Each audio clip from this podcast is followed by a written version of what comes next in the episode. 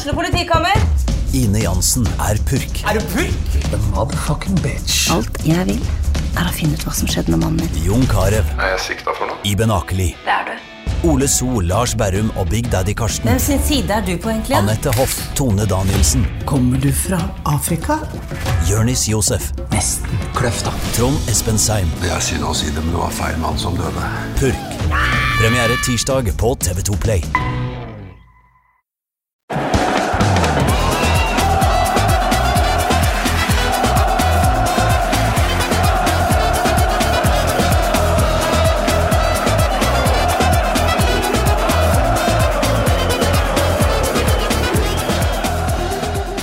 Hei og velkommen til eh, sesongens siste ordinære episode av Pyro og Pivo.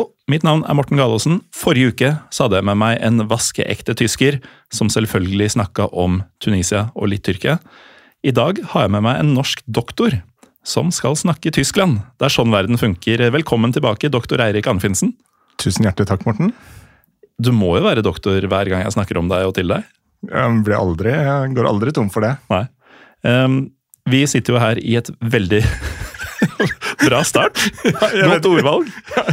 Veldig høyt utdanna ordvalg. Jeg vet ikke hvordan man går tom for doktor. Men Nei, det må jo være hvis du blir frastrippa tittelen, da. jeg, vet, jeg vet ikke om det er en mulighet. Jeg. ikke innafor ditt doktorat, eh, i hvert fall. Fordi det jeg skulle til å si, var at vi sitter jo på en veldig varm sommerdag i et veldig varmt eh, studio. eh, Trangt, og vi veier jo litt begge to. Eh, Lufta er ikke den beste, men det er ikke den type doktor du er, at du kan redde oss hvis en av oss kollapser pga. dette.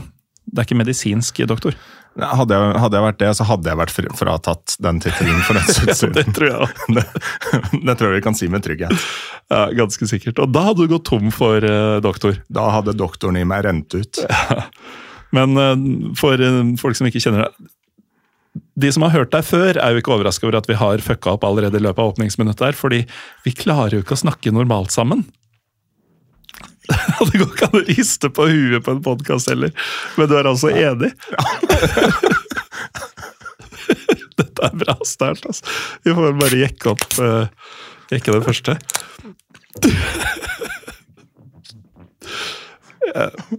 Beklager til dere som hører på. Jeg lover deg siste gang dere hører en ordinær Pyro Pivo på eh, en del uker. Um, Jeg kan jo nevne, Eirik, at eh, eh, gamle lyttere som har hørt deg før, de er ikke overraska over det som har skjedd nå. Men for nye lyttere da, så er det sånn at du og jeg har jo blitt venner med åra. Fordi vi begge holder med Union Berlin. Stemmer. Og um, eldre lyttere vet jo da også at vi har jo lagd en egen episode om Union Berlin uh, sammen med Nils Henrik Smith, hvor vi gikk gjennom hva klubben er og har vært og um, sånn.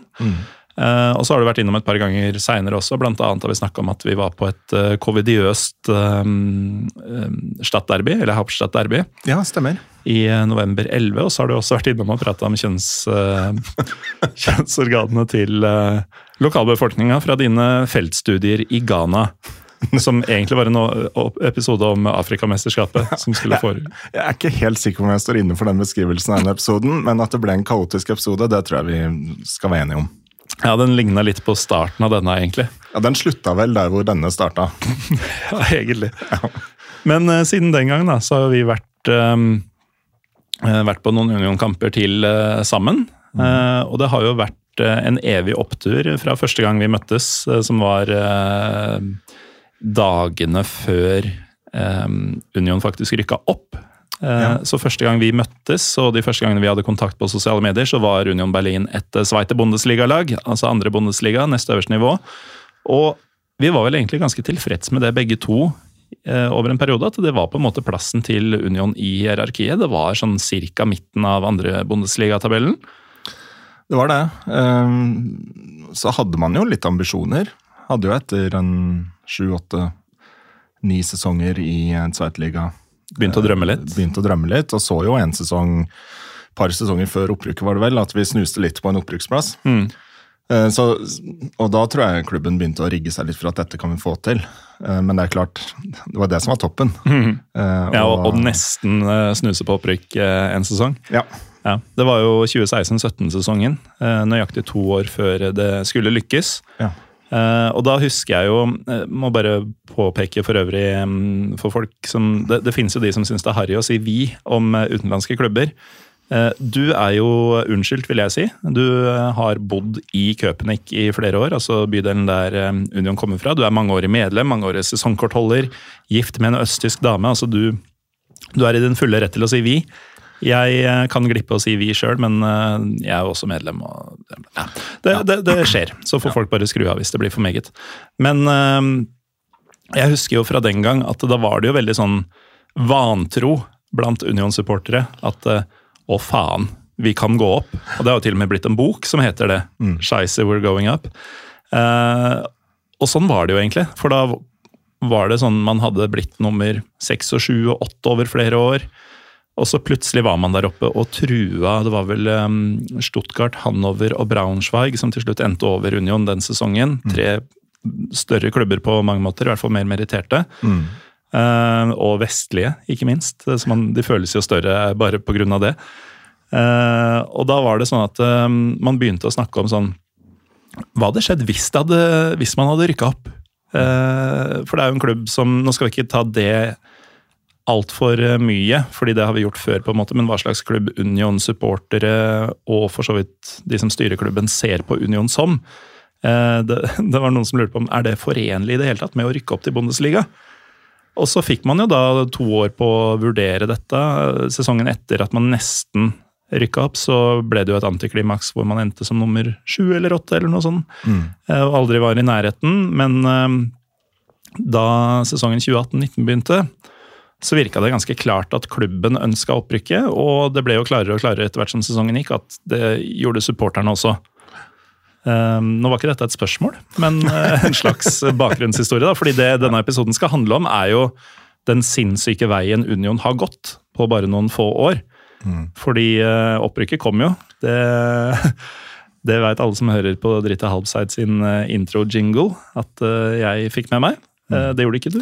Nei, jeg gjorde ikke det. Jeg var jo såpass uh, pliktoppfyllende og lojal til arbeidsgiveren min at, at jeg lot min uh, kampbillett gå til denne herremannen som sitter på andre siden av bordet her. Ja, Og det var den overleveringa som var vårt første møte Stemmer fysisk. Stemmer det.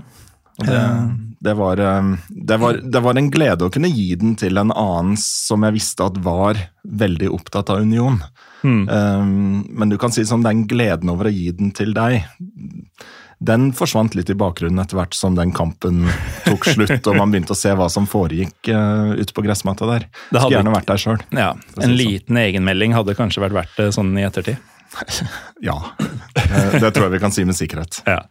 Men uh, doktorens plikter, du har, har jo sikkert avlagt en ed og sånne ting. Nei, jeg har ikke det. Nei, du, ikke. Nei. du er jo ikke den type doktor. Nei. Men, eh, men jeg tror da, med, med dette med, som du nevner, med den ambivalensen knytta til, til opprykket, var jo man, man hadde jo blitt ganske komfortable med å ha en rolle i Sveitliga. Ja, og det var lett for Union å være Union 100% um, Fordi altså, rammene endra seg ikke, verken budsjett eller sportslig eller forventninger utenfra. Så alt var veldig sånn flatt og fint. Eh, og da er det jo um, da er det veldig lett da, å sparke oppover i sånne prinsippsaker som til syvende og sist nesten ikke angår deg. Og sånne ting, og det var jo sånne ting man var bekymra for. Fordi det å rykke opp til Bundesliga, det er jo en helvetes omveltning. Og um, det er jo kanskje en klisjé, og i hvert fall en sannhet med modifikasjoner, at uh, en Union-fan setter sportslig suksess eh, ikke bare i andre rekke, men kanskje til og med tredje og fjerde. At det er mange andre ting som er viktigere. Men det er jo heller ingen som ikke ønsker at man skal bite fra seg. Altså, vi, vi har jo opplevd eh, håper å si, eh, selvmotsigelser i hopetall eh, bare for noen uker siden, egentlig. Eh, Vi kommer dit. Men eh, for deg som har vært med så mange år, da, og som har bodd der og kan litt tysk og har en østtysk kone og på en måte skjønner kulturen på, mye, på et annet nivå enn det jeg har kapasitet til. Eh, hvor rart var det for deg? Du bodde vel fortsatt i Berlin også, tror jeg, den første gangen man holdt på å rykke opp? Da, ja, da bodde jeg fortsatt i Berlin. Um, og Det må ha vært helt surrealistisk å være med på den derre nesten ja, det var veldig rart. For den kom ut fra ingenting den gang. Ja, Ja, egentlig. Jeg husker ikke så veldig godt hvordan det var, faktisk. Fordi de kampdagene som oftest drukna bort i veldig mye alkohol eh, og fett. Eh, og det handla Det å gå på de kampene handla jo mye om å bare eh, kose seg og se fotball sammen med min bedre halvdel. Uten stress? Uten noe som helst stress, og Mm. man koste seg, og det var, det var liksom Bare en, en kampdag var noe man så fram til, og så fikk det bare gå som, gå som det måtte gå. Um, men jeg tror da sånn situasjonen er i dag, den overgangen fra eh, å Uten at jeg skal komme oss altfor langt i forkjøpet her, sånn den overgangen å gå fra å spille i andre Bundesliga til Bundesliga, og den overgangen fra å være i Bundesliga og plutselig skulle spille i Champions League. Den overgangen fra andre Bundesliga til første Bundesliga, den var nok større. Du tenker det? Jeg tror det. Og det er, eh, som du sier, eh, det er jo ikke noen avsløring for folk som følger litt med på fotball, men det er fire år siden altså at man rykka opp til Bundesliga. Nå har man sikra Champions League-gruppespill, som, eh, som skjer til høsten. Så det er jo en helvetes reise på veldig kort tid, og det er jo den vi skal gå litt gjennom i dag. Men siden du nevnte dette med alkohol og fett Det er jo en del år siden vi hadde den episoden med, med Nils Henrik eh, om klubben, og da tror jeg du gikk gjennom kampdagsritualet ditt eh, som du og kona hadde da kampene gikk klokka ett på formiddagen og man var i Sveite Bundesliga og møtte lag som Heidenheim. Det skal man for så vidt i år også, dårlig eksempel, men Sandhausen og Ja, Aue og Jan Regensburg og sånn. Eh, ta oss kjapt gjennom kampdagen eh, den gang, og så kan jo, skal vi fortelle litt om åssen våre kampdager har vært siden. Ja, jeg kan jo stryke hele den der vi må huske å kle på oss-delen av den rutinen, fordi det ble nevnt sist gang. Eh, Det var jo veldig gjerne en god frokost med en flaske bobler, en Ja. flaske sekt. Ja, Um, Tyske, tysk champagne. tysk champagne. Mm. Eh, Og da gjerne av sorten Rotkäppchen, som selvfølgelig er en gammel østtysk, eh, hvis jeg ikke husker helt feil, Mm. eh, vinprodusent. Er det et godt merke, et billig merke? Er bill billig, Mm. men det smaker også godt. Ja. Ja. Østtyske bobler, altså. Ja, Her kan det godt være at noen arresterer meg, men det er iallfall sånn jeg, det jeg assosierer det med. Mm. Eh, og den gode frokosten, den flaska, eh, så er det rett på, eh, på kebabsjappa på Slottsplass. Rett fra frokost med bobler til kebabsjappa. Ja, det er jo carboloading før kampen. uh, og da en, en døner med et par halvlitere, som man da drikker mens du går til kamp. Eh, Så kommer du opp på stadion. Den gang kom på stadion sånn en times tid før. Gikk du da via noen av pubene på veien, eller var det med vandrepilsen? Det var utelukkende med vandrepils. Ja. Jeg var vel, Mens jeg bodde der, var jeg vel omtrent aldri innom en pub på vei til kamp. Men nå har jo vi vært på et par kamper sammen, og vi er alltid innom opptil flere puber. Ja. Og noe av det tror jeg er pga. at kamptidspunktet blir et par timer seinere når man er i Bundesliga. Skal du drikke en flaske med bobler, spise en god frokost, fortære en døner og to eller tre halvlitere og komme deg til stadion Du skal jobbe hardt for å rekke å være på stadion til klokka tolv. Ja, Som det er en time før kamp i Sveite. Ja, nemlig. Mm. Uh, men det, det fikk vi til, stort sett. Uh, savner den tida, samtidig som jeg kjenner at ja, det er en del av livet hvor sånt går an. Og så er det andre deler av livet hvor det er kanskje ok å ikke være helt snydens klokka tolv. Ja, og full av god frokost og dønerkebab Ja. samtidig. Ja. Um, men eh, det å komme på stadion eh, i Tyskland generelt eh, tidlig er jo en god idé, fordi um, man er jo verdensmester i arrangement, kanskje bortsett fra amerikanere, på det å gjøre det verdt å være på stadion og tilbringe tid der. Eh, og Union er jo virkelig intet unntak. Jeg vil jo si de er uh, definitivt i øvre sjikt av de tyske stadionene jeg har opplevd på nettopp det, at uh, det er hyggelig å være på stadion tidlig. Man har jo dette, Stadion ligger jo i skogen. Eh, Man har jo nesten et slags sånn park eller nesten sånn festivalaktig område etter at du har beepa billetten, hvor du får Det er noen sånne benker rundt omkring hvis du vil slå deg ned. Det er eh, selvfølgelig grillen er godt i gang. eh, Øl, merch i det hele tatt. Og så er det jo selvfølgelig i Unions tilfelle, i hvert fall etter opprykket, det er lurt å møte opp tidlig for å få gode plasser, for det er jo bare ståplasser, Mm. så å si. Um, Og der er kanskje en av de større altså En av de tingene jeg syns er veldig fascinerende uh, med Union sin tid i Bundesliga, er jo at den kampdagopplevelsen på stadion har egentlig ikke endra seg så veldig. Og det er et kjempepoeng. Det, og det syns jeg er kjempegøy, for det tror jeg var noe av det som folk var veldig redde for. At nå kommer, nå kommer det til å bli masse sånn pauseshow, og cornerne blir sponsa av Dildo King og straffespark. Seter på kortsida og Ja, ikke sant? Og, og, og alt det som vil på en måte strømlinjeforme Union og kampdagomlevelsen til å bli en, en av tinga som skulle strømlinjeforme kampopplevelsen, var reklame for Dildo King på corneret. Det tok meg litt tid å prosessere at du sa det, skjønner du, det er derfor reaksjonen kom såpass seint. Men det, det var østtyskerne redde for. ja, ja, ikke akkurat det, da, men, men det, var en, det hadde jo vært en mulighet. Ja, for, for de som ikke veit det, da. Um, Dildo King er jo da Det er vel en kjede, tror jeg? Det er i hvert fall en seriøs aktør i Tyskland. Ja. Innafor sexleketøyer. Um, Og de har enorme reklameplakater overalt. Ja, fordi um, denne episoden blir jo på en måte en del av en serie, fordi seinere denne uka, jeg tror allerede i morgen, så kommer, eh, hvis alt går bra, da, um, kommer opptaket av en liveinnspilling jeg og Asbjørn Slettemark gjør uh, på Grünerløkka denne uka. Nå blir det veldig mye denne uka, sånn, men vi sitter jo her uh, mens det fortsatt er juni. Episoden kommer ut uh, i juli, og dagen etter at vi sitter her og spiller inn, så har jeg og Asbjørn en uh, liveinnspilling på Grünerløkka. Uh, og i den, eller i, den forbindelse, så er det da sånn at dette blir del én av en todeler i Pyro Pivo-universet om Union Berlins Rise.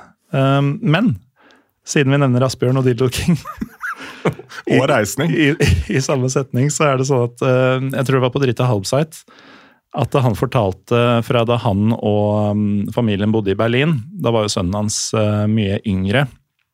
Men sønnen hadde da tydeligvis hatt inntrykk av at Dildo King var litt sånn i samme sjanger som McDonald's og um, jeg vet ikke, KFC og sånne ting, fordi det var det var liksom de tre tinga man så på disse roterende, svære reklamene rundt i Berlin. Mm. Det var Dildo King, og så er det Mækkern og uh, noe annet sånn der, mer mainstream. da. Mm. Så, så Dildo At de skulle sponse cornerne, det er ikke så far-fetched som, uh, som det kanskje låter. Altså, det er vel sannsynligvis noen i markedsavdelinga som hadde tenkt at det ikke nødvendigvis hadde vært helt heldig Det er ikke det. sikkert at Dildo King hadde kontakta Union for å sponse cornere heller. Nei, og det er sannsynligvis andre ting enn corner de kunne sponsa. Altså, Gudene må vite hva man sponser på en fotballstadion i dag, men Dildo King kunne kanskje funnet noe som sant, hadde passa deres Sikkerhetssjekken på For- For eksempel. This pat down is brought to you by uh, Ja. Men, men poenget mitt da, er jo den, den derre Jeg tror, i hvert fall for mitt vedkommende, og for flere av de som, de som jeg kjenner, så var det jo den derre strømlinjeforminga av kampdagopplevelsen som var litt den, den deler av den frykten. At man, man mista litt det derre Altså, en av de tingene jeg syns er veldig fint på kampdag, er jo i pausen. At man kan bare stå og prate med folk. pause i pausen. Ja, og så er det god musikk. Ja. Ikke sant? Og man ja, blir altså- ikke overdøvet av noe sånn elendig musikk. Musikken er altså god og ikke elendig. Men uh, enda viktigere, den er ikke altfor høy. Du trenger ikke å stå og rope og lene øret inntil kjeften til den andre. sånn. Du kan stå og ha en normal samtale. Og det skjer ikke noe heller. Nei, også, med, med all respekt for, for små barn som, som er glad i fotball, men én ting som jeg aldri kommer til å helt sette pris på, er sånne konkurranser som skjer ute på fotballbana i pauser. Nei. Hvor det er liksom, du har fem tolvåringer som skal sparke en ball, og førstemann som treffer tverrliggeren, får en gratis trøye. Nå, nå merker du, nå sitter jeg og forteller om hva som er pauseritualet på Briskeby. Ja. Men, men jeg sliter med sånne type greier, da. Fordi jeg syns pausene skal brukes på å stå og prate, snakke litt om førsteomgangen, hente noen pils, drikke noen pils, og så Ja, bare, kampen igjen. du går ikke glipp av noe. Nei. Dette er den tida du har til å bare på en måte puste litt og prate litt og pisse litt og alt som begynner på P, egentlig. Pilse litt. Ja.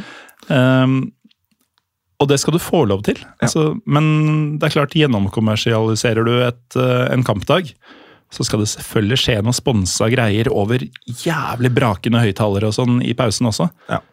Og, det, det, hører ikke hjemme i, i Köpenick. Nei, og, og, det er klart det for, for, å prøve å komme til et poeng her, jeg merker dette her har, har tatt litt tid, men, men den ene tingen jeg merker veldig tydelig på kampdag, er at det er trangere.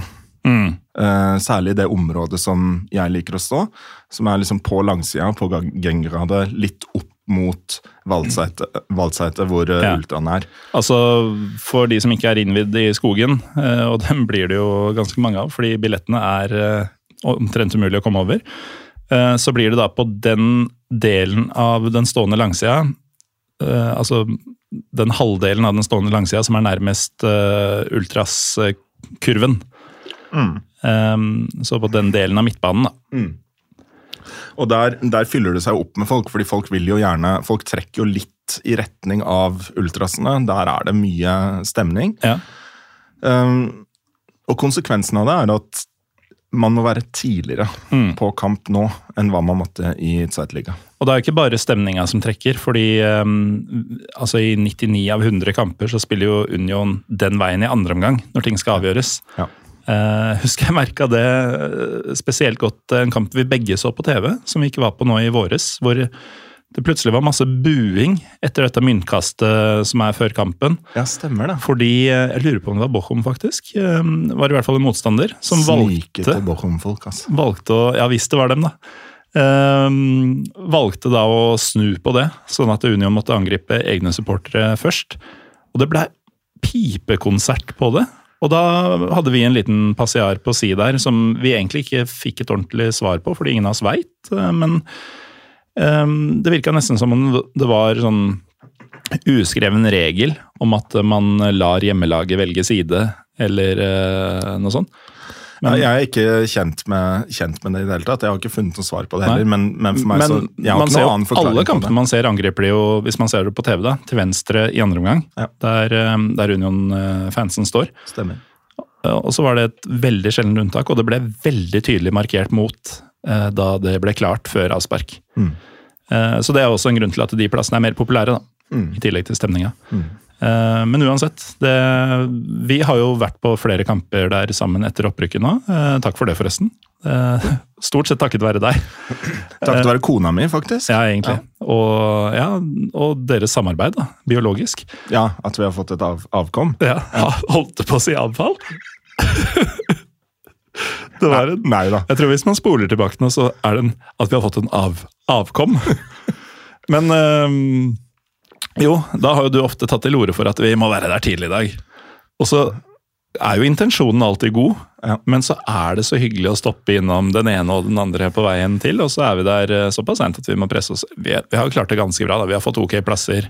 Jeg tror vi jevnt over har klart oss bra. Jeg tror den, den siste kampen nå som vi kommer til, eh, sesongfinalen i år, mm. var vel den som vi har stått minst gunstig til med tanke på å se banen. Nå er det klart, nå er du en sånn jeg lider ingen nød. Du er fire meter høy, så du ser jo godt uansett hvor man står på den stadion, men for oss som er under 2,20 meter og 20, så er det klart da, du, du sliter med å se når du står nederst. Det går et skille på 2,20 der. Det, jeg ser den. Ja, to, um, ja 2,20. Hmm. Uh, jo da, men uh, da var det mer sånn at um, Det er litt vanskelig å forklare, men det, et stykke ned på den tribunen så kommer det et litt flatt parti før Eh, de siste få radene ned mot gjerdet. Ehm, og det å havne lavt mot det partiet, det er jo ikke så gunstig, for da får du folk foran sidelinja og cornerflagget. Og det gjelder jo faktisk meg også, mm. selv om jeg ser selve spillet. Men eh, ja, det er jo Når vi summerer opp, da, så er det den største endringa i kampdagsopplevelse etter opprykket. Er rett og slett at det har blitt trangere. Eh, det har jo ikke blitt eh, vesentlig dyrere med øl, det har ikke blitt noe annet utvalg i kioskene. Det har ikke blitt Dildo King sponsing av cornere eller um, øl, ølprisen, har litt, ølprisen, har nok gått litt, opp, men, jo, det helt, men, det er av helt andre grunner. Ja, det er jo um, konsumprisindeks. Og så har de fått strekkodeleser ved innslipp. Mm. Ja, og det er jo faktisk Og du kan bruke mobilbillett. Dette kommer ikke folk til å tro på. At uh, i cash og utskrevne papirbilletter uh, land nummer én i Europa, mm. så er det da det østtyske innslaget. Det ene østtyske innslaget i ligaen som uh, er av de første, tror jeg, til at du kan bruke appen til å skanne billetten. Ja, det er ganske flott. Det er det, men det som er gøy, er jo at de har fått til det. Men jeg var på en unionkamp tidligere i år mot Stuttgart, sammen med et par andre som ikke er unionere, riktignok. Første gangen, eh, i hvert fall til han ene, på, på stadion, og han var eh, fra seg over den eh, kø, altså innslippet. At det må være noe av det verste som han har vært med på, fordi at det er så uorganisert. Ja. Men det er akkurat slik det har vært i alle år. Ja. Skal du ja, jeg hørte det, ja. skal, skal, Når du skal inn på, inn på, inn på stadion der, så, så må du belage deg på å stå i en ekstremt uorganisert kø.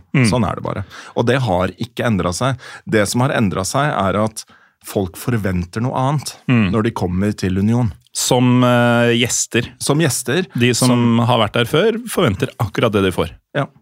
Eh, ja, absolutt. Eh, men de som ikke har vært der før, eller de som hører til en, støtter en annen klubb og bare er med, forventer kanskje dette her er jo en Champions League-klubb. Eh, så her er det jo litt orden i sakene. Og så er det jo ikke det. Nei, det er jo ikke det. Men så er jo heller ikke de fysiske forutsetningene for å organisere det på noen særlig mer organisert måte der. Fordi Nei. du har en Disse turnstiles, telleapparatene, eller hva vi skal kalle det, de er jo vinkla ut mot stien som folk kommer fra når de kommer fra disse pubene vi har snakka om. Eh, og så går den videre bak kortsida over til der folk går inn for å komme på kortsida, eller eh, den ene tribunen som har sitteplasser. Og da er det sånn at um, De er vinkla ut mot den stien og ut mot skogen, så det er ikke sånn at du kan sette opp masse gjerder og sånn den veien, fordi da, går du, da kommer du i veien for de som skal forbi, som jo tross alt er ganske mange. Og nå skjer det mye i halsen min. Dette blir en tung episode å spille inn, doktor Eirik. Men det jeg mener er at uten en massiv um, omgraving, rett og slett, og i det hele tatt å snu dette her for å f.eks. sette opp gjerder, sånn at når du står i en kø, så står du i den køen. Du kan ikke på en måte, Det er ikke en menneskemengde som bare trekker mot nærmeste åpning. Eh, som, eh, altså Dildo King har ikke kommet dit ennå. Ehm, så, så det er sånn Det kan man ikke gjøre noe med. Dildo King burde jo sponse innslippet. Men når det er snak, eh, sagt, så um, er det jo konkrete planer om å bygge ut stadion. Ja. Og da må de jo faktisk gjøre noe med innslippet. Og hva det skal være, med tanke på området rundt der, det er jeg spent på. Må nesten grave en underjordisk inngang eller noe sånt. Ja, nei, det, det finner de jo Det må de jo finne ut av. Mm. Det var jo for øvrig en utbygging som ble annonsert på tampen av den 16-17-sesongen. Ja. eh, Da vi nesten rykka opp. Um, som nå ser ut til å faktisk bli eh, en realitet. Og på den tida så var det ikke sånn altså Det var mange utsolgte kamper i løpet av en sesong, men det var ikke sånn at Union-kamper var utsolgt ferdig snakka. eh, Og de var ikke utsolgt i forhåndssalget. Nei, Så, de så de du, fleste var faktisk utsolgt, men de gikk ut på salg til eh, allmennheten. Nettopp. Så det var, når, det var mulig for hvem som helst å få tak i billetter. Yes. Og så endte det ofte utsolgt til slutt, i hvert fall de siste par sesongene. Ja. Um, men det var ikke sånn nødvendigvis, fordi utbygginga man snakker om er jo til 37 000 fra 22 nå. Det er jo prosentvis er det 70, noen og 70 prosent eh, eller noe sånt, er det ikke det? Jo, det blir vel det. Nå er ikke jeg uh, Nei, jeg doktor i matematikk, så, så jeg tar Ikke ikke, det heller. Men nei, jeg, bare, jeg, har bare, jeg har kun titlene. Det er ikke noe fag knytta til det. Um, men um, det er jo en vanvittig utbygging. Ja, For det var ikke gitt i den situasjonen man var der, at eh, man kunne hus... At det var grunn til å bygge ut til 15 000 til. Eh, I tillegg til 22 000 man allerede hadde. Men det var 37 000 som var målet den gang òg. I, I utbyggingen. Det var det. Så, så, men det er jo litt som vi snakka om tidligere. ikke sant? Det var nok i hodet til eh, Dirk Singler og ledelsen her at opprykk, det kommer til å skje. Vi stanger nå mot det. Eh, og da må vi ha en stadion som er klar for å ta imot det trøkket som kommer til å komme. Eh, det rakk man jo ikke, eh, men eh, 37 000 med typ 32 eller 29 000 ståplasser. Ja, 8-29 et sted. Det blir det. hvis, hvis man klarer å fylle det, Ja. og man klarer å bygge det på en måte som gjør at man klarer å fange stemningen på den måten man gjør i dag, så kan det bli ganske heftig eh, Ja, og, og der er det jo igjen, da. eh, Union-fans er jo generelt eh, litt sånn bekymra for store forandringer. Men det å bygge ut fra 22 til 37 000 nå, det føles ikke som en overkill. Altså Antallet klubbmedlemmer er vel på 45 000 eller eh, der omkring. Og eh, det er jo ikke alle medlemmer som får kjøpt sesongkort. Det holdes fortsatt litt nede, nettopp fordi det er så mange medlemmer som også skal kunne kjøpe billett. Fordi i Tyskland så er det jo sånn at eh, medlemmer kommer først, sesongkortholdere dernest. I hvert fall i klubber som ikke er sponsa av eh, eh, energidrikker. Eller eid av, for den saks skyld.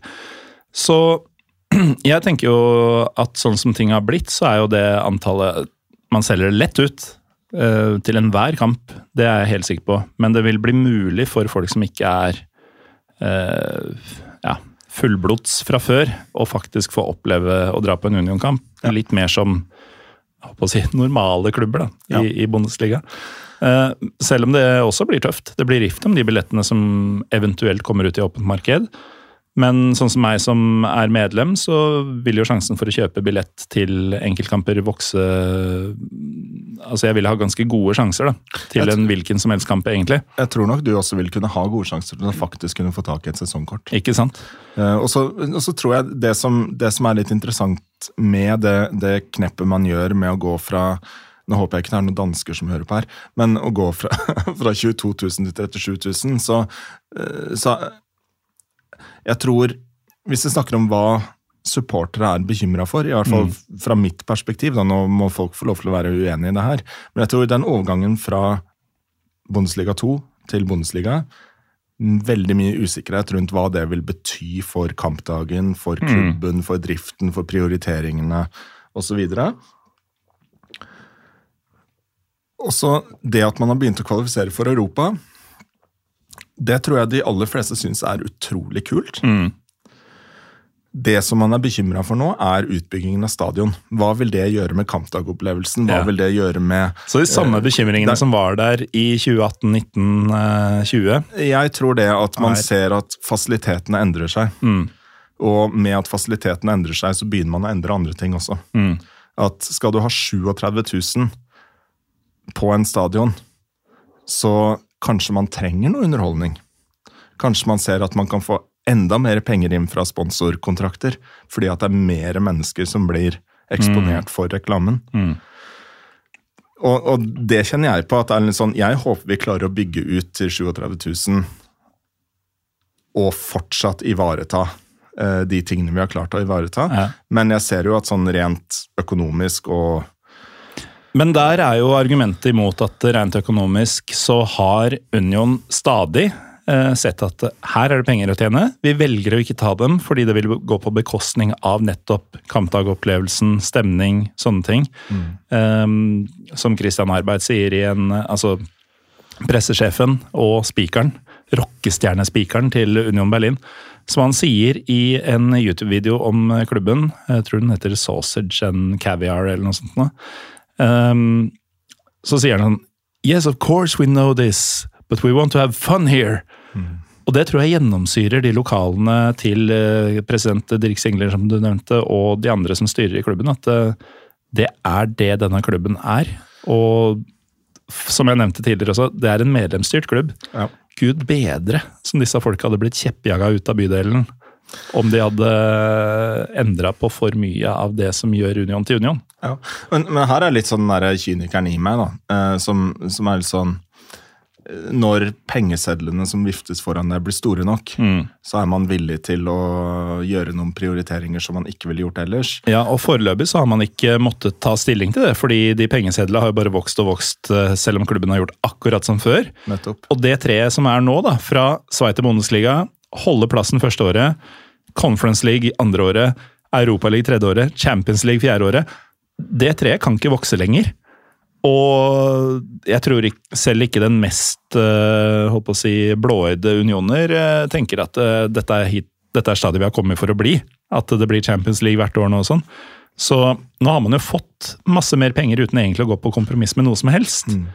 Eh, og blir man vant til de penga, Da blir det skummelt. Ja, og det er akkurat det. Nå går jo sannsynligvis veldig mye av disse pengene inn i utbyggingen av stadion, håper jeg, da. Uten at man må ta opp, binde opp utbyggingen i for mye lån. Men, men jeg tror fremdeles det er en stor risiko for at man går på øh, Altså, man, man inngår noen kompromisser med egne prinsipper gradvis, som medfører noen endringer. Um, og, så, og så plutselig så står man i en situasjon hvor man ser at oi, her er det faktisk noe som har skjedd. Plutselig så lyser det Dildo King på cornerflagget. Jævla Dildo King skal ødelegge alt. Ja, det, vi, altså, Metaforisk sett, vi blir, altså, man blir penetrert av markedskreftene. Ikke sant? Over tid. Du gjør er så fornøyd med deg sjøl, da. Ja, men altså, det er jo helt riktig. Det blikket du sendte meg etter å ha sagt det. Men det er mest fordi at du ser så flott ut. Ja, ja, det er det. Du ser for øvrig veldig varm ut. Takk det samme. Um, men ok. Eh, tilbake til dette med stadionutbygginga. så var En av bekymringene du lufta, var klarer man å lokke inn stemninga på samme måte. Og skal man tro tegningene og planene for dette nye stadionet, så er jeg ikke bekymra for fem øre. Det er jo i praksis bare å bygge en etasje opp på det man allerede har, i samme stil osv. Um, men så er det jo da det som kommer med det. Da Altså da, da får du disse korridorene som man har på store stadioner med dasser og sånn. Du må ikke ut i friluft, sånn som i Altså, dag. det, er jo strengt talt et, et forbedringspotensial ved stadionet i dag, er jo toalettfasilitetene. Jeg Jeg mener de tok et kraftig steg opp når de fikk de der festivalurinalene. Ja, ja. Det, det er en kjempe Det er også annerledes enn i eh, Bundesliga 2. Da Jo, det... hadde vi ikke de eh, Mm. Nei, så da sto du i kø for å komme til Og da kunne det være masse folk som skulle drite foran deg, så du visste ikke når du fikk eh, pisse. Ja. Um, så den delen er jo Den kan jo nesten ikke bli bedre nå. Altså Jeg kan ikke huske sist jeg sto i kø for å gå på do på Alter First Rei. Nei, nei, det fungerer helt fantastisk. Så forbedringspotensialet er jo i så fall på det at du har flere vasker å vaske hendene i og sånn. Ja, fordi nå er det vel én bortgjemt i en krok der. Ja. Og der, der er noe som, altså Olympiastadion, Man kan si mye rart om den stadion som en eh, sted å se på fotball, men toalettfasilitetene der er veldig ålreite. Ja, så lenge ikke supporterne herper hele toalettet, som ja. jo forekommer. Ja, det skjer jo. Men eh, ok, vi eh, hadde jo i utgangspunktet tenkt å ta en slags sånn tidslinje her. Eh, Vi har jo nevnt tida før opprykket. Opprykket kommer, man er dritbekymra for hva det vil bety for hvordan klubben framstår og hvordan kampen oppleves og sånn. Eh, Det var egentlig det folk snakka om før sesongen i Union-kretser. Mens alle andre snakka om blir det så mye som 20 poeng i år. Mm. det- var på en måte sånn ja, vi er her for the ride.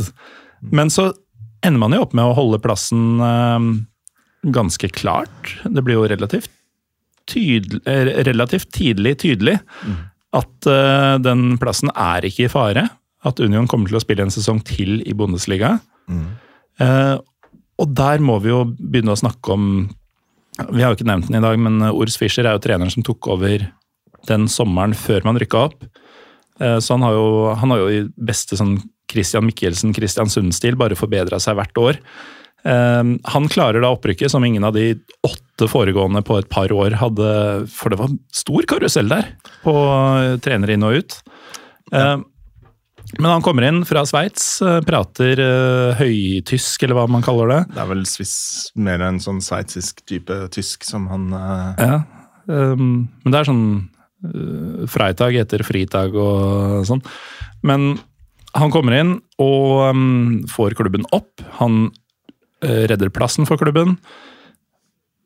Um, og han har da veldig stor hjelp fra en Oliver Ronert, som eh, kanskje mer enn veldig mange andre viser hvor viktig en god sportsdirektør er.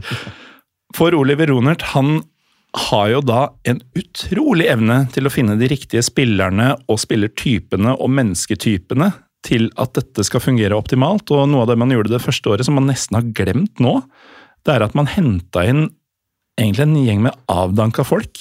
Um, Anthony Uja kom inn, en av mine favoritter. Um, Christian Gentner, uh, eneste som har vunnet i ligaen to ganger i Tyskland uten at noen av gangene har vært med Bayern.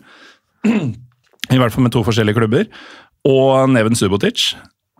Så du fikk inn masse rutine og treige, gamle bein. Og det var akkurat det som trengtes inn i den gruppa for å klare seg. Og så har man da i årene som har kommet man fikk jo en Max Krose på litt sånn mirakuløst vis. Eh, og da han etter hvert fant ut at eh, jeg har det helt strålende her, men jeg skal gifte meg med en trophy wife, og eh, jeg kan tjene litt mer penger et annet sted, dro til Wolfsburg. Da henter man inn en fyr på pluss-minus 30 fra andre Bundesliga, som riktignok ikke fikk den rollen i, i elveren som Krosa hadde hatt, men som på en måte ble henta som erstatteren for han. Og samtidig mister man Marvin Friedrich til Gladbach, som på den tida var banka på døra til landslagstropper som midtstopper. Man mister to av de aller beste spillerne man har. Um, henter inn mye dårligere i utgangspunktet forsterkninger. Laget blir bedre. Og så redder man da plassen på den måten det første året. Nå tok jeg for så vidt litt i andre år her også, eh, og tredje. ja, du var litt all over der. Ja, ja, men det er litt sånn det har funka. da. At man tilsynelatende har blitt svekka, fordi de beste spillerne forsvinner jo stadig. Yes.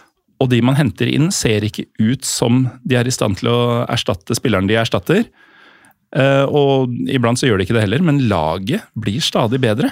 Mm. Og de har blitt bedre. Nå er det fire sesonger i Bundesliga. Man har fått Europa tre av de åra. Mm. Og man har fått en høyere rangert europacup tre år på rad.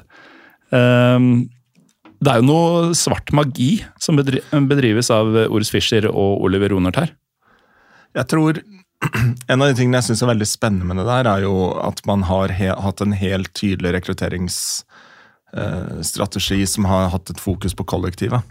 At Mm. man skal ha personligheter som passer inn i klubben. Som forstår hva det vil si å være en del av, uh, av det mannskapet her. Og noe av det er jo at uh, det er hardt arbeid. Det blir ikke noe finspill. Vi, sørger, vi skal ha resultater. Det er ikke her du kommer for å vise deg, liksom. Nei, og det er jo litt det man, man eh, Altså, det, det Skal du få et eh, Skal du få et relativt ressurssvakt lag til å fungere, eh, i den konteksten vi snakker nå, Bundesliga akkurat nyopprykka, du er Union Berlin Skal du få et relativt ressurssvakt lag til å fungere der og prestere, så så er du nødt til å bygge et sterkt kollektiv. Du kan ikke, eh, du kan ikke forvente at individuelle eh, ferdigheter skal redde deg. Og, og, det er jo det som har vært gjen, gjennomgangstonen, egentlig, eh, i de årene her, er jo den man har hatt sin modell. Man har, uh, Ors Fischer har hatt sin måte å spille på, Mm. uh, og man har fått inn spillere som har fylt de rollene.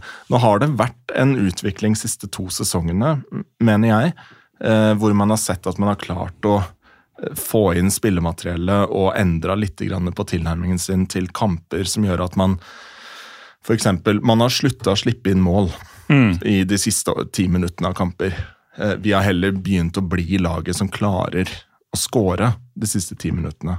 Man har slutta å tape mot, eh, eh, mot lag som man er nødt i kamper hvor man har kontroll over ballen. Sant? Hvor man tidligere ble kontra i senk av lag som Greuter Furt. Um, så det har vært en utvikling der, men, men det har hele tiden vært en strategi, ser det ut til, da, eh, hvor skal vi ha inn noen, så må de passe inn.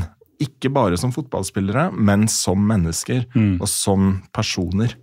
Og det Jeg, jeg syns dette er, det er så interessant å se, fordi ofte når man snakker om lag som overpresterer, så er det Eller når man snakker om at det kommer en ny manager inn i en klubb, eller man snakker om en klubb som, eh, så, som eh, har hatt en stor utskiftning av spillemateriell, så har det vært snakk om at man må få tid til at laget skal sette seg.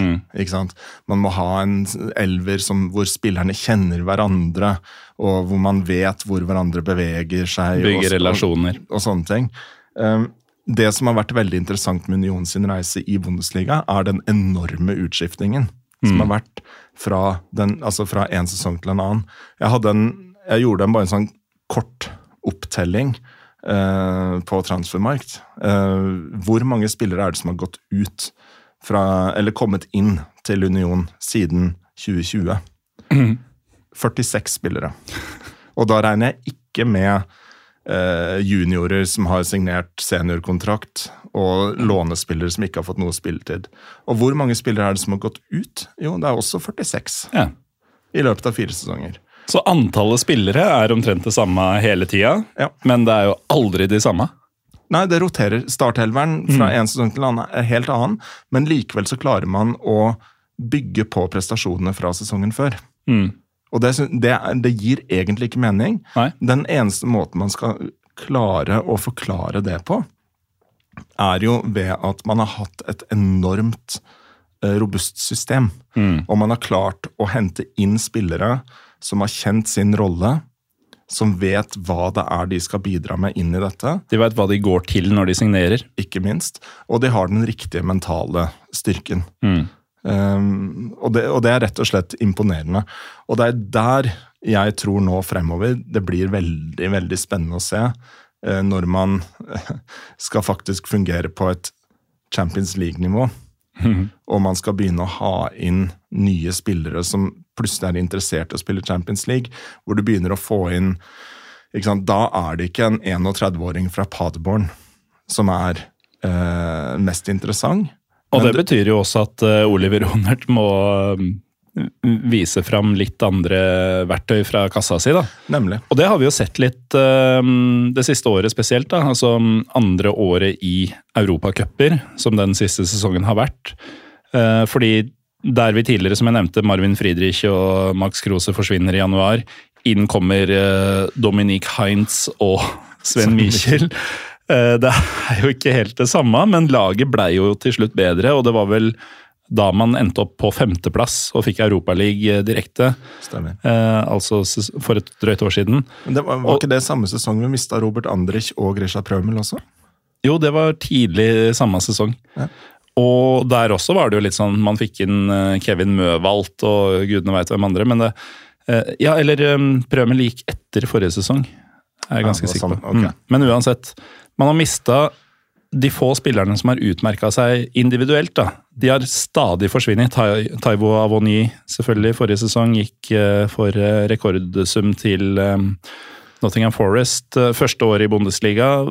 En fyr vi begge mener er overvurdert, men Sebastian Andersson. Han folk snakka om etter første året til, Bund- eh, til Union i Bundesliga. Solgt med en gang. Kristoffer Lenz? Ja, ikke minst.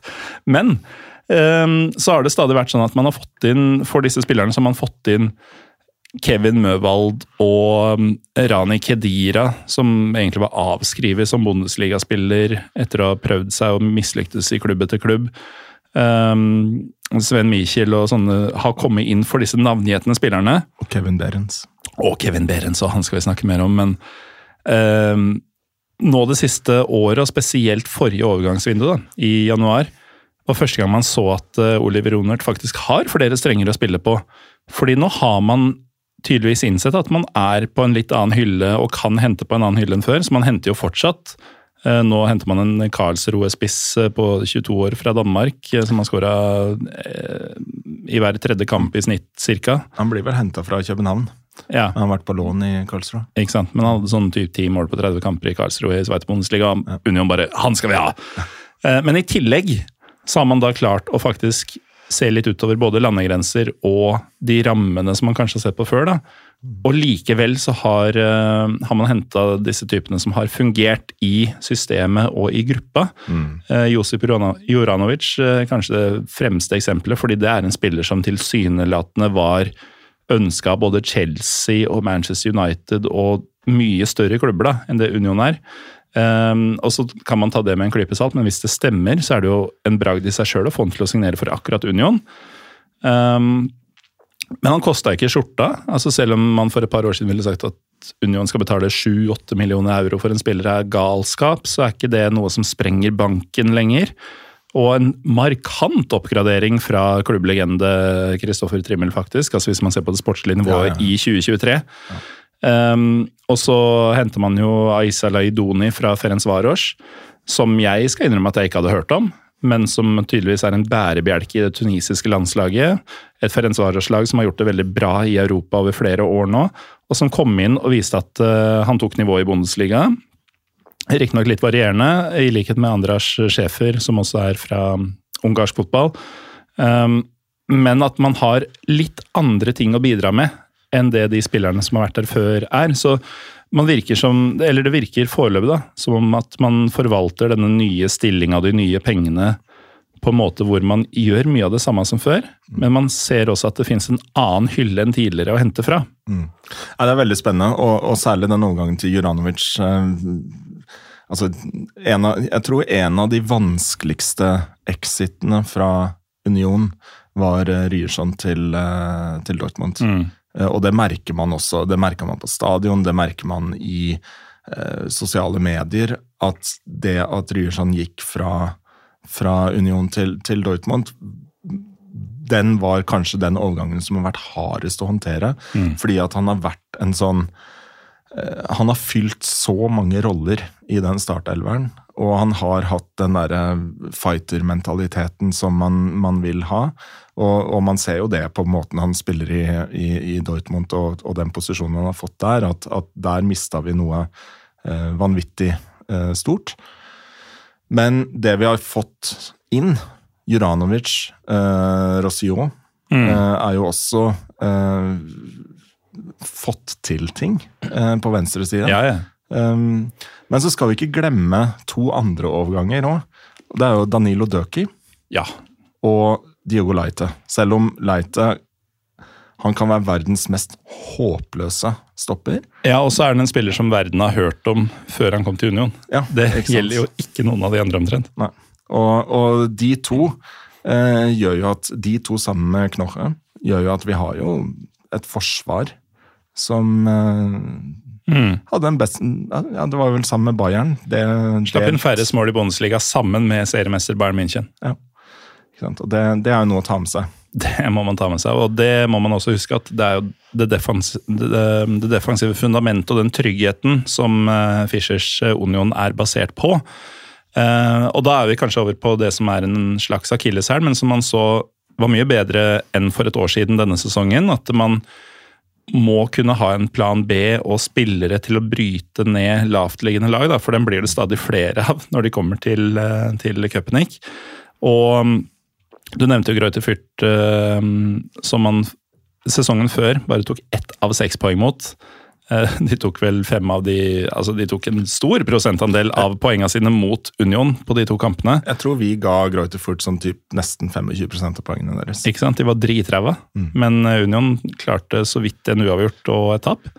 Um, og denne sesongen også så var det sånn at Schalke og Bochum og um, Augsburg, tror jeg, Stuttgart kanskje Mulig jeg blander litt her, men det var i hvert fall flere av de lagene som var helt, helt i bånn. Um, eller som man forventer er helt, helt i bånn. Som kom til Köpenick og klarte uavgjort, og gjerne 0-0. da. Mm. Uh, nettopp fordi der har Union en del å gå på. Dette med å være favoritt og være det laget som skal bryte ned en motstander. Og Vi så jo det også i siste runde som vi var på, mot Verde Bremen, som hadde null å spille for. De lå lavt og prøvde egentlig ikke på noen ting hele kampen. Mm. Og det var først uh, utpå noen og 80 minutter at man klarte å få hull på den byllen. Ja.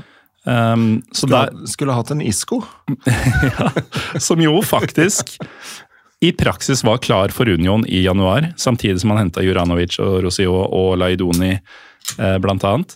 Frem til han bestemte, fant ut at han måtte betale skatt av inntekten sin. Mm. Eh, var det det som skjedde? Jeg forsto det sånn at de hadde økt kravene etter at man hadde blitt enig. Oh ja, nei, sånn, men, men, det er kanskje det i tråd, det er kanskje samme hørt, sak, da. Ja, det, For det jeg har hørt, er at eh, fra Iskos side så hadde de trodd at den lønna han var forespeila, var, var lønna etter skatt. Mm. Ja. Eh, og det var det jo ikke. Ja, men Da er det to sider av samme sak. Da har han bare bedt om å få oppjustert til at det utbetalte er det han ja. egentlig skulle. Ja. Um, men, men, det er veldig interessant. Kanskje heldigvis. Jeg tror nok at det var like greit. Mm. Han er jo fremdeles uh, uten klubb. Mm. Um, men, men det er sånn Ser du tilbake de siste tre sesongene i, i Bundesliga, hvor mange kamper har vi tapt på Alte Festerøy? Jeg har ikke tallet, men jeg vet jo at det siste man tapte en Bundesligakamp på hjemmebane, det var i februar 2022. Ja, siste tre sesongene har vi tapt tre kamper. I ligaen. I ligaen. På hjemmebane. På hjemmebane. Hm. Jeg var på en av dem, jeg. ja, tenk på det. Første gang jeg så Union i Bundesliga. Da, Apropos Asbjørn Slettmark, som vi nevnte tidligere. Da krasja jeg i, eh, på barnerommet eh, hos han og holdt på å si diplomat. Ja, det, det var første sesongen. Det var første Den sesongen, sesongen tapte vi seks hjemmekamper. Ja. Men de okay, tre, ja. tre De tre- etterfølgende sesongene greit. har vi tapt Ok, tre Da har jeg ikke vært på noen av de tapene. Men, men det, det er litt sånn bare øh, øh, Det du nevner med at vi har vært defensivt veldig solide, Mm. men det man har mangla, er jo det å finne måter å bryte ned motstanderen. For det, det har blitt mye uavgjort hjemme. Mm. Vi har ikke tapt, men vi har ikke vunnet heller. Og det er der jeg tror også sånn overgangsvindu som man står ved nå, at man må finne den Man har Andreas sjefer hvis han holder seg skadefri. Mm. Det er et stort hvis, fordi historikken tilsier noe helt annet. Han er hele tiden skada. Mm. men vi trenger en boksåpner der, for Mm. å klare å få de trepoengerne. Og jeg tror hadde vi, hadde vi hatt det denne sesongen, så kunne vi vært helt i toppen. Ja, fordi man er den notoriske målskåreren eller den bokseåpneren unna å vri de nevnte kampene til sin fordel. Og såpass, eh, merkelig å si, men såpass dårlig som Bayern var denne sesongen, så var den innen rekkevidde ganske seint i sesongen. altså. Ja. Før med, før flere av de nevnte kampene kom, hvor man ga bort poeng som man egentlig var forventa å ta. Ja. Så mm, man er kanskje to signeringer unna at eh, Hvis man hadde treffet med to ting i fjor sommer, da, eller i vinter nå, så kunne man faktisk snakka om eh, Union som første- eller andreplass i Bundesliga. Sier du nå, Morten Galaasen 2023, at eh, Union Berlin er to signeringer unna å vinne Bundesliga? Nei, jeg sier at de kunne vært det. De får ikke den sjansen her igjen. Eh, Bayern kommer ikke til å være så dårlige noensinne igjen. Og hvis de først er det, så er det et annet lag som er jævlig mye bedre. Av den typen Klopps Dortmund var i to sesonger, f.eks. Men uansett, man har jo sett tidligere at Stuttgart, Werder Bremen, Wolfsburg har klart å vinne Bundesliga. Og jeg snakka med, med Josh eh, Di Placito fra forrige episode eh, ute i gangen her, fordi vi spiller inn to på en dag i dag. Eh, om dette her, fordi noe du og jeg snakker om mye, det er at dette er et ganske skjørt korthus. Fordi det er Dirk Singler, presidenten, eh, sportsdirektør Oliver Ronert og trener Ors Fischer som i praksis har kanskje mye større roller eh, i klubben enn det som sunt er. da. At de er hver sin Alex Ferguson, Nils Arne Eggen, på en måte. At det forsvinner en av dem, eller gud forby to av dem. Så eh, står man litt sånn eh, målløst eh, og klør seg i huet og lurer på hva faen gjør vi nå. Ja.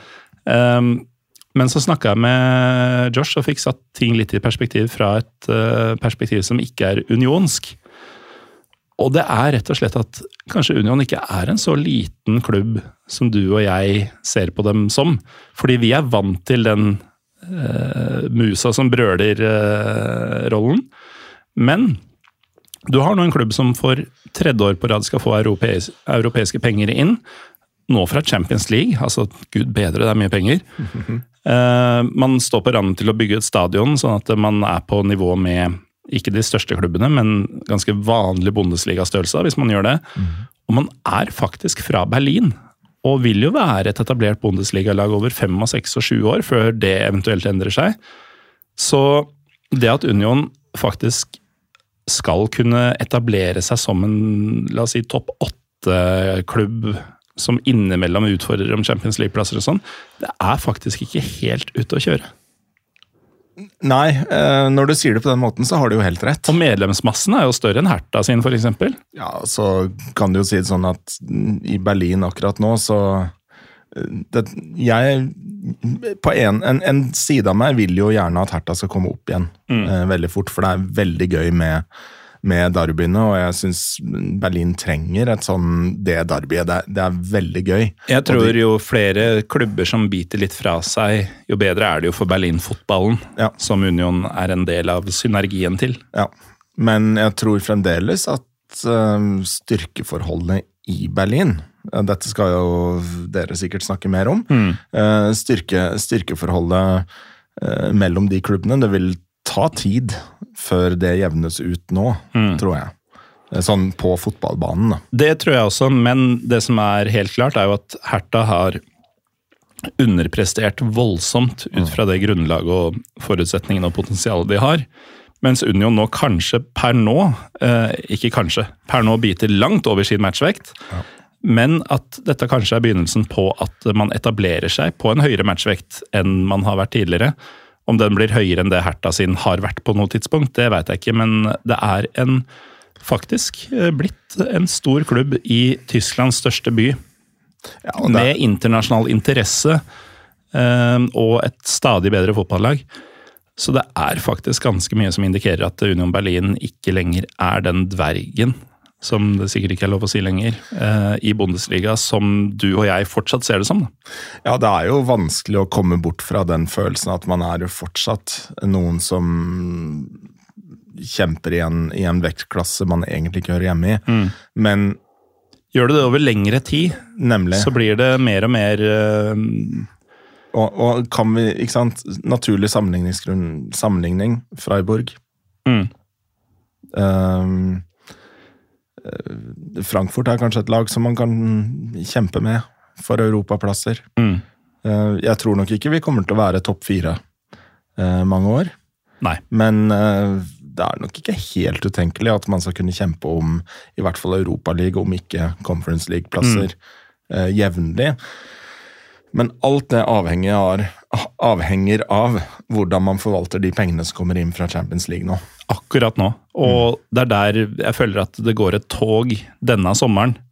Fordi de valga man gjør nå, om man velger å splæsje litt penger etter spillere som man tidligere ikke kunne drømme om, ehm, eller om man er tro til denne Vi henter han dansken fra Karlsroe som skåra noen mål i Sveite Bundesliga, liksom. Ja. Ehm, det finnes jo gråsoner mellom det ene og det andre her, men at Union finner riktig punkt, eh, riktig gråtone der, mm. det vil ha veldig mye å si, ikke bare for åssen det går i Bundesliga og ikke minst i Champions League-gruppespillet neste år, men hvor klubben egentlig skal være sportslig de neste årene. Ja, jeg tror det, og, og mye av det som skjer nå, handler jo om å egentlig kanskje forberede klubben på å ligge stabilt på et sånn øvre halvdel av Bundesliga, sammen med Hoffenheim, Frankfurt, Wolfsburg eh, osv. Og her er man i en heldig posisjon, fordi man har det holdt på å si, kundegrunnlaget som Union har. da. Og, og brorparten av Union-supportere vil ikke bli veldig skuffa om man skulle bli nummer ni neste sesong, f.eks. Uh, man har et veldig takknemlig publikum. Det er ikke, det er ikke noe krav fra, fra omgivelsen om at nei, vi skal alltid spille Europa. Man, eh, vi har vært på serieavslutninga de siste to sesongene sammen eh, og opplevd hvor, hvor euforiske folk er over i det hele tatt å få den muligheten den ene gangen, som nå har blitt tre ganger på rad. Da. Men, eh, Riktignok forskjellige konkurranser. ja da, men supporterne er fortsatt der. At dette er bare moro. Og det er noe surrealistisk over det. Og vi er langt, langt langt ifra å verken kreve eller å i det hele tatt bli vant til den typen suksess vi har nå. Alle føler at dette er noe forbigående. Eh, og det kan jo da de nevnte nøkkelpersonene nå sørge for at det ikke er. da. Det er klart, skulle mot formodning Urs Fischer og Oliver Runnert bestemme seg for at nå er vi lei av Köpenick, nå øh, flytter vi til en landsby i fjellheimen i Sveits og begynner å fiske på heltid, så det er klart det er en risiko for at man rykker ned igjen.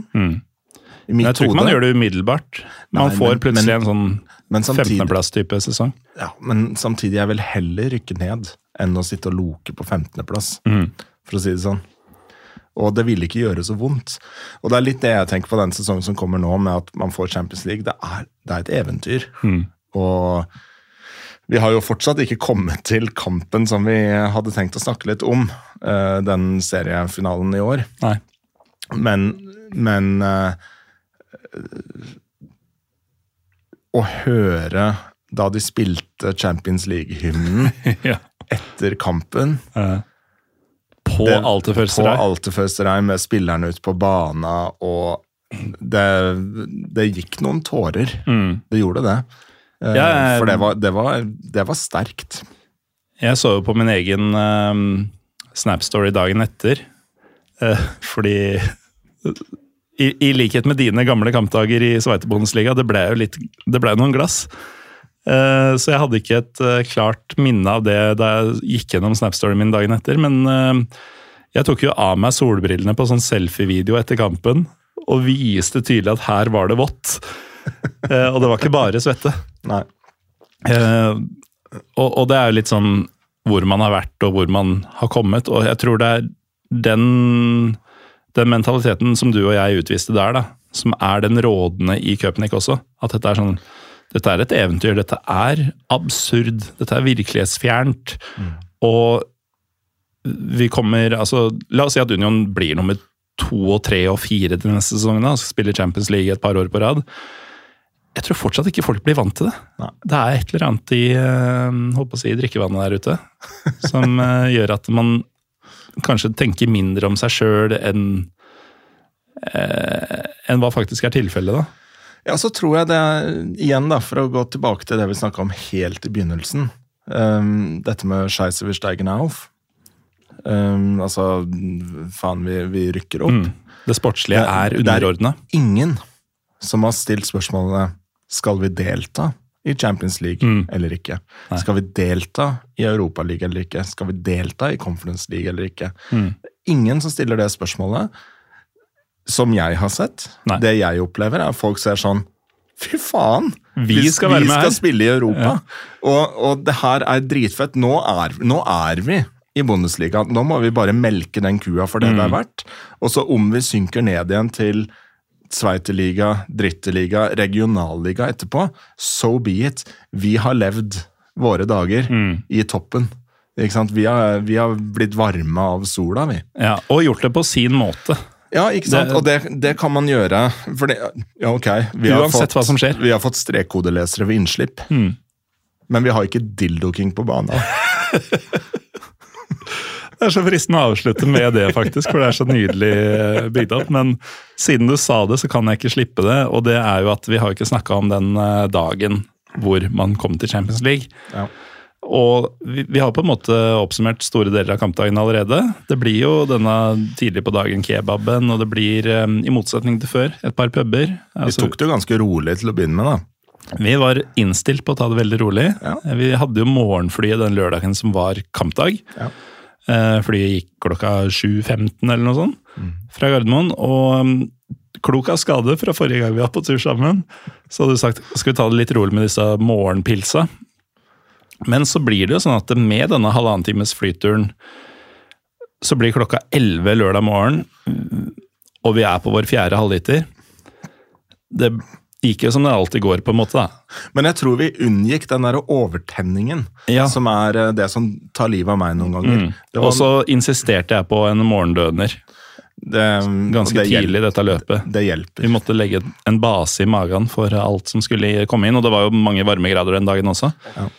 Så vi, um, vi går da um, til uh, stadion via Tanke. Som i hvert fall i vår eh, delte kampopplevelse, og som jeg også har delt med et par andre de siste årene, er en eh, Man må innom der, egentlig. Eh, som er denne nedlagte bensinstasjonen som nå Derav navnet. Uh, som nå er en utendørs pub. Eh, og så er det å hente seg man, vi, vi har aldri gått inn på abseidsfallet sammen, Jeg, som er den siste kneipa før eh, stadion. Men det er en sånn bod utafor som selger øl. Og så tar vi med oss en sånn og går gjennom skogen der. Pisser som et uvær både én og to ganger. Og så er det dette innslippet som, eh, som vi har snakka om, som du og jeg setter pris på, som eh, bedre vante folk av større klubber syns er neandertalsk. neandertalsk. Og så har vi også nevnt at vi fant litt dårligere plasser enn ønskelig, men det var fordi vi, vi tok disse stoppa på veien. Da. Og så er det kamp. Og det var en forrykende kjedelig første omgang. Ja. Og egentlig andre omgang. Ja. Altså, det var, det var veldig rart, hele greia. Men forutsetningene for kampen var jo at man kommer til Champions League hvis man ikke får et dårligere resultat enn det Freiburg gjorde. Og de skulle spille bort mot Frankfurt, Ja. som hadde håp om å knipe en sjuendeplass som kunne gi conference dersom Ja, egentlig nesten helt sikkert. Fordi de skulle spille cupfinalen sjøl, og motstanderen var høyere opp på tabellen. Yes. Så de hadde, alt å, altså de hadde en mye vanskeligere kamp da, enn det Union hadde. Men de tok ledelsen, De tok ledelsen for og leda lenge, mens Union stanga og stanga. Ja, og det var ikke så mye som skjedde heller i første omgang. Nei, nei altså man Sånn stanga lenge før målet, for å si det sånn. Man stanga på 20 meter og 30 meter. Um, men så kom jo da dette forløsende Ranike Edira-målet etter noen og 80 minutter. Men da har jo allerede Frankfurt både utligna og til og med tatt ledelsen, tror jeg. Så det betydde ikke så mye som vi trodde der og da. Men eh, kampen blåses av. Union har gjort jobben sjøl. Får vite først seinere at det ble noen poengs klaring der, men så kommer da denne Champions League-hymna, vi har nevnt det også. Eh, og hele den feiringa etterpå, da, hvor eh, For de som ikke har sett det, så har jo Union da denne ene langsida med sitteplasser. Ca. 4000 av de eh, Litt over 4000, tror jeg, av de 22 000 plassene. Ja, tre, og, tre og et halvt. Ok, ja, godt under, da. Men på baksida av den, eller utsida, så er jo på en måte hovedfronten til stadion. Og der er det en balkong som spillerne og dette opplevde vi for andre år på rad. Kommer ut på, og det er litt kåringer og feiringer og taler og sånne ting. Står de på den balkongen. På et tidspunkt så kommer jo eh, Capoen, altså forsangeren til Ultrasene, opp der. Deler ut bluss til noen av spillerne og setter i gang noen sanger, og sånn, mens spillerne står og blusser med ene hånda og drikker øl i den andre. Fantastisk. Ja, det er helt nydelig. Og så må, må vi jo sende en shout-out til uh, Bamsegjengen. Ja, vi Så- møtte jo flere av de uh, Ja. der. Det er jo da for de uinnvidde den offisielle norske supporterklubben til eh, Union Berlin. Ehm, flere leserinnlegg, eh, eller lytterinnlegg heter det kanskje, til Drita Halbside de siste månedene, fra spesielt Andreas. Ehm, men det var jo en flokk med rørte norsk-tyske slash norske slash tyske uh, Union-fans som møttes på den parkeringsplassen som det egentlig er, og bare var en del av dette her. Og jeg har jo sagt flere ganger at jeg har aldri følt meg sånn supervelkommen på Union. Ehm, og jeg har forklart litt hvorfor tidligere også, at det er Kanskje spesielt siden stadionet er så lite, at billettene er så eksklusive, og sånn, at man er veldig sånn Man verner om sine, da. Altså, hvem, hvem faen er du til å komme her hvis uh, det betyr at en billett ikke ble solgt i, um, i Berlin? Um, og det har vi vært gjennom i flere episoder også tidligere, at jeg har jo god samvittighet nå. Jeg føler jeg kvalifiserer med mitt engasjement og sånn, men um, da, jeg har aldri liksom følt meg som en del av familien i sånn større grad, da, sånn som jeg gjør i f.eks. Lillestrøm eller Fenerbahçe. Men den dagen der, det var ikke et spørsmål altså, om hvem du var, hva faen gjorde du her, hvor kommer du fra? Altså, nå får du ikke de spørsmåla eksplisitt heller, men det bare føles som det ligger litt i lufta noen ganger. Eh, Men da var det faktisk en Union-familie som feira sammen. Ja, det var helt fantastisk. Og så har de nok fått litt stell på Jeg husker i fjor, på sesongavslutningen i fjor, så feira vi å komme til Europa League. Og da brukte vi vel ca. 70% av tida vi var på den festen, brukte vi på å stå i ølkø. Ja. I år var det bedre, Ja. eh, som gjorde at vi kunne drikke og bare kose oss. Og det var eh, Det var Det var helt storveis. Og det var surrealistisk, egentlig. Um, og så føler jeg at man Man har ikke hylla Rani Kedira nok. Nei, Jeg føler at vi nå kan begynne å snakke om Rani Kedira og broren hans. vi er der. Ja. Ja. Det, det er i ferd med å bikke. Altså, Han i Real Madrid er broren til Kedira. Ja. Han som var i Real Madrid. Ja, og, og Hertha. Ja. Ja. Og i mine øyne er en av sesongens absolutt beste. Union-spillere. Mm. Redda oss i jeg vet ikke hvilket minutt det målet kom med. 80, Noen og 80. noen og 80, som, som seg hør og bør. Samme årstall som folk er født i. Ja, Noen og 80. rett og slett. Mm. Rett og slett. Og det, nei, Den feiringa var kjempefint, og det var veldig veldig, veldig trivelig å møte de som vi møtte fra Bamsegjengen. Mm. Og så må vi jo bare si at vi er veldig glad for å høre at alt gikk bra med Rune Ikke minst. I Bamsegjengen. Altså, president i Bam- Bamsegjengen, Rune Holtmoen, eh, hadde kontakt med henne i dag senest, faktisk. Ja. Han um, hadde jo et eh, illebefinnende, for å si det pent, um, den helga, eller den dagen. Mm. Uh, alt i orden med han, heldigvis. Uh, strålende type. Og ja, en fyr verdt å følge på Twitter, f.eks. Hvis man eh, vil eh, følge litt mer med på hva Union driver med framover. Um, men apropos dette med at man hadde tid til å drikke og sånn, doktor Eirik. Når man drikker, så må man på do. Og du og jeg eh, har jo litt sånn derre konkurranse når vi er på stadionet i Köpenick på, på, hvor mange dobesøk vi må i løpet av kampen, fordi vi takler jo ikke å drikke øl. Det er en høyst ufrivillig konkurranse. Ja, ja vi, vi, vil jo helst ikke, men vi er ræva på det begge to. Og nå har vi sittet her og drikket et par glass. Um, jeg må. Må du? Begynner å kjenne trykket på. Ja. ja. Skal vi si at vi er fornøyd, eller? Altså, Vi kunne sikkert sitte her i et par timer til og skravla piss, vi. Men, ja, det kan vi eh, uten at uh, det tas opp også. Det er akkurat det. Det er det. Ja. uh, så da sier jeg takk, doktor Eirik Anfinsen, for at du var her i dag, og for at du har um, hjelper meg i såpass stor grad som du har de siste åra med å få mange Union-opplevelser. Vi har jo ikke engang nevnt at vi faktisk så dem i Europa sammen. Men nå har vi prata ja, så mye om borte. Vi var, vi var, jo med på kampstopp og bråk og hele pakka. Ja, det får bli en annen gang. Ja. Fordi nå har jeg prata så mye om pissing at jeg må skikkelig. Eh, det er noe med at du åpner en eske, vet du. Eh, men i hvert fall, takk for at du var med, og takk til dere som hører på. Dette var eh, jeg sa jo sesongens siste ordinære episode den har kanskje ikke vært helt ordinær, fordi vi er jo ikke proffe når vi møtes. Men vi er i hvert fall i mål. Mitt navn er Morten Galaasen. Vi er Pyro Pivo på Twitter og Instagram. Det kommer forhåpentligvis en uh, spesialepisode allerede i morgen, kanskje. Um, men i hvert fall før, um, før, neste ordinære episode, som blir en gang i august. Så takk for at dere har vært med så langt, og vi høres når vi høres.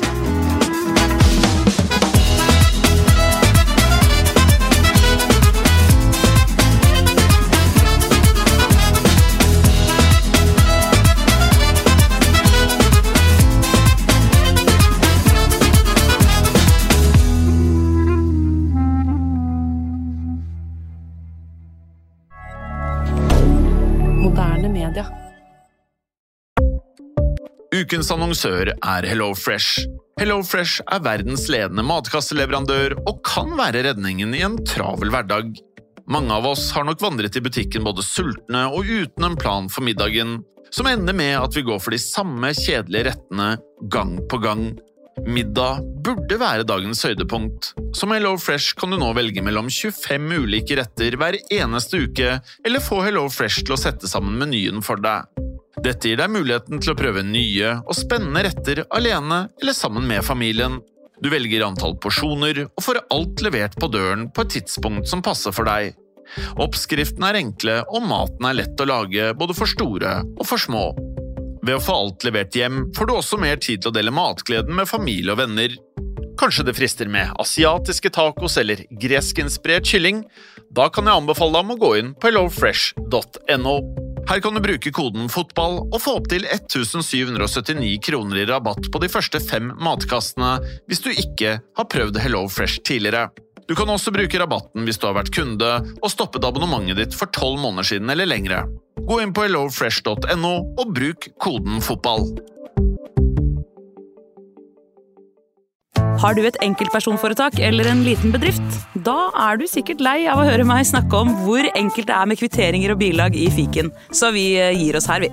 Fordi vi liker enkelt. Fiken superenkelt regnskap.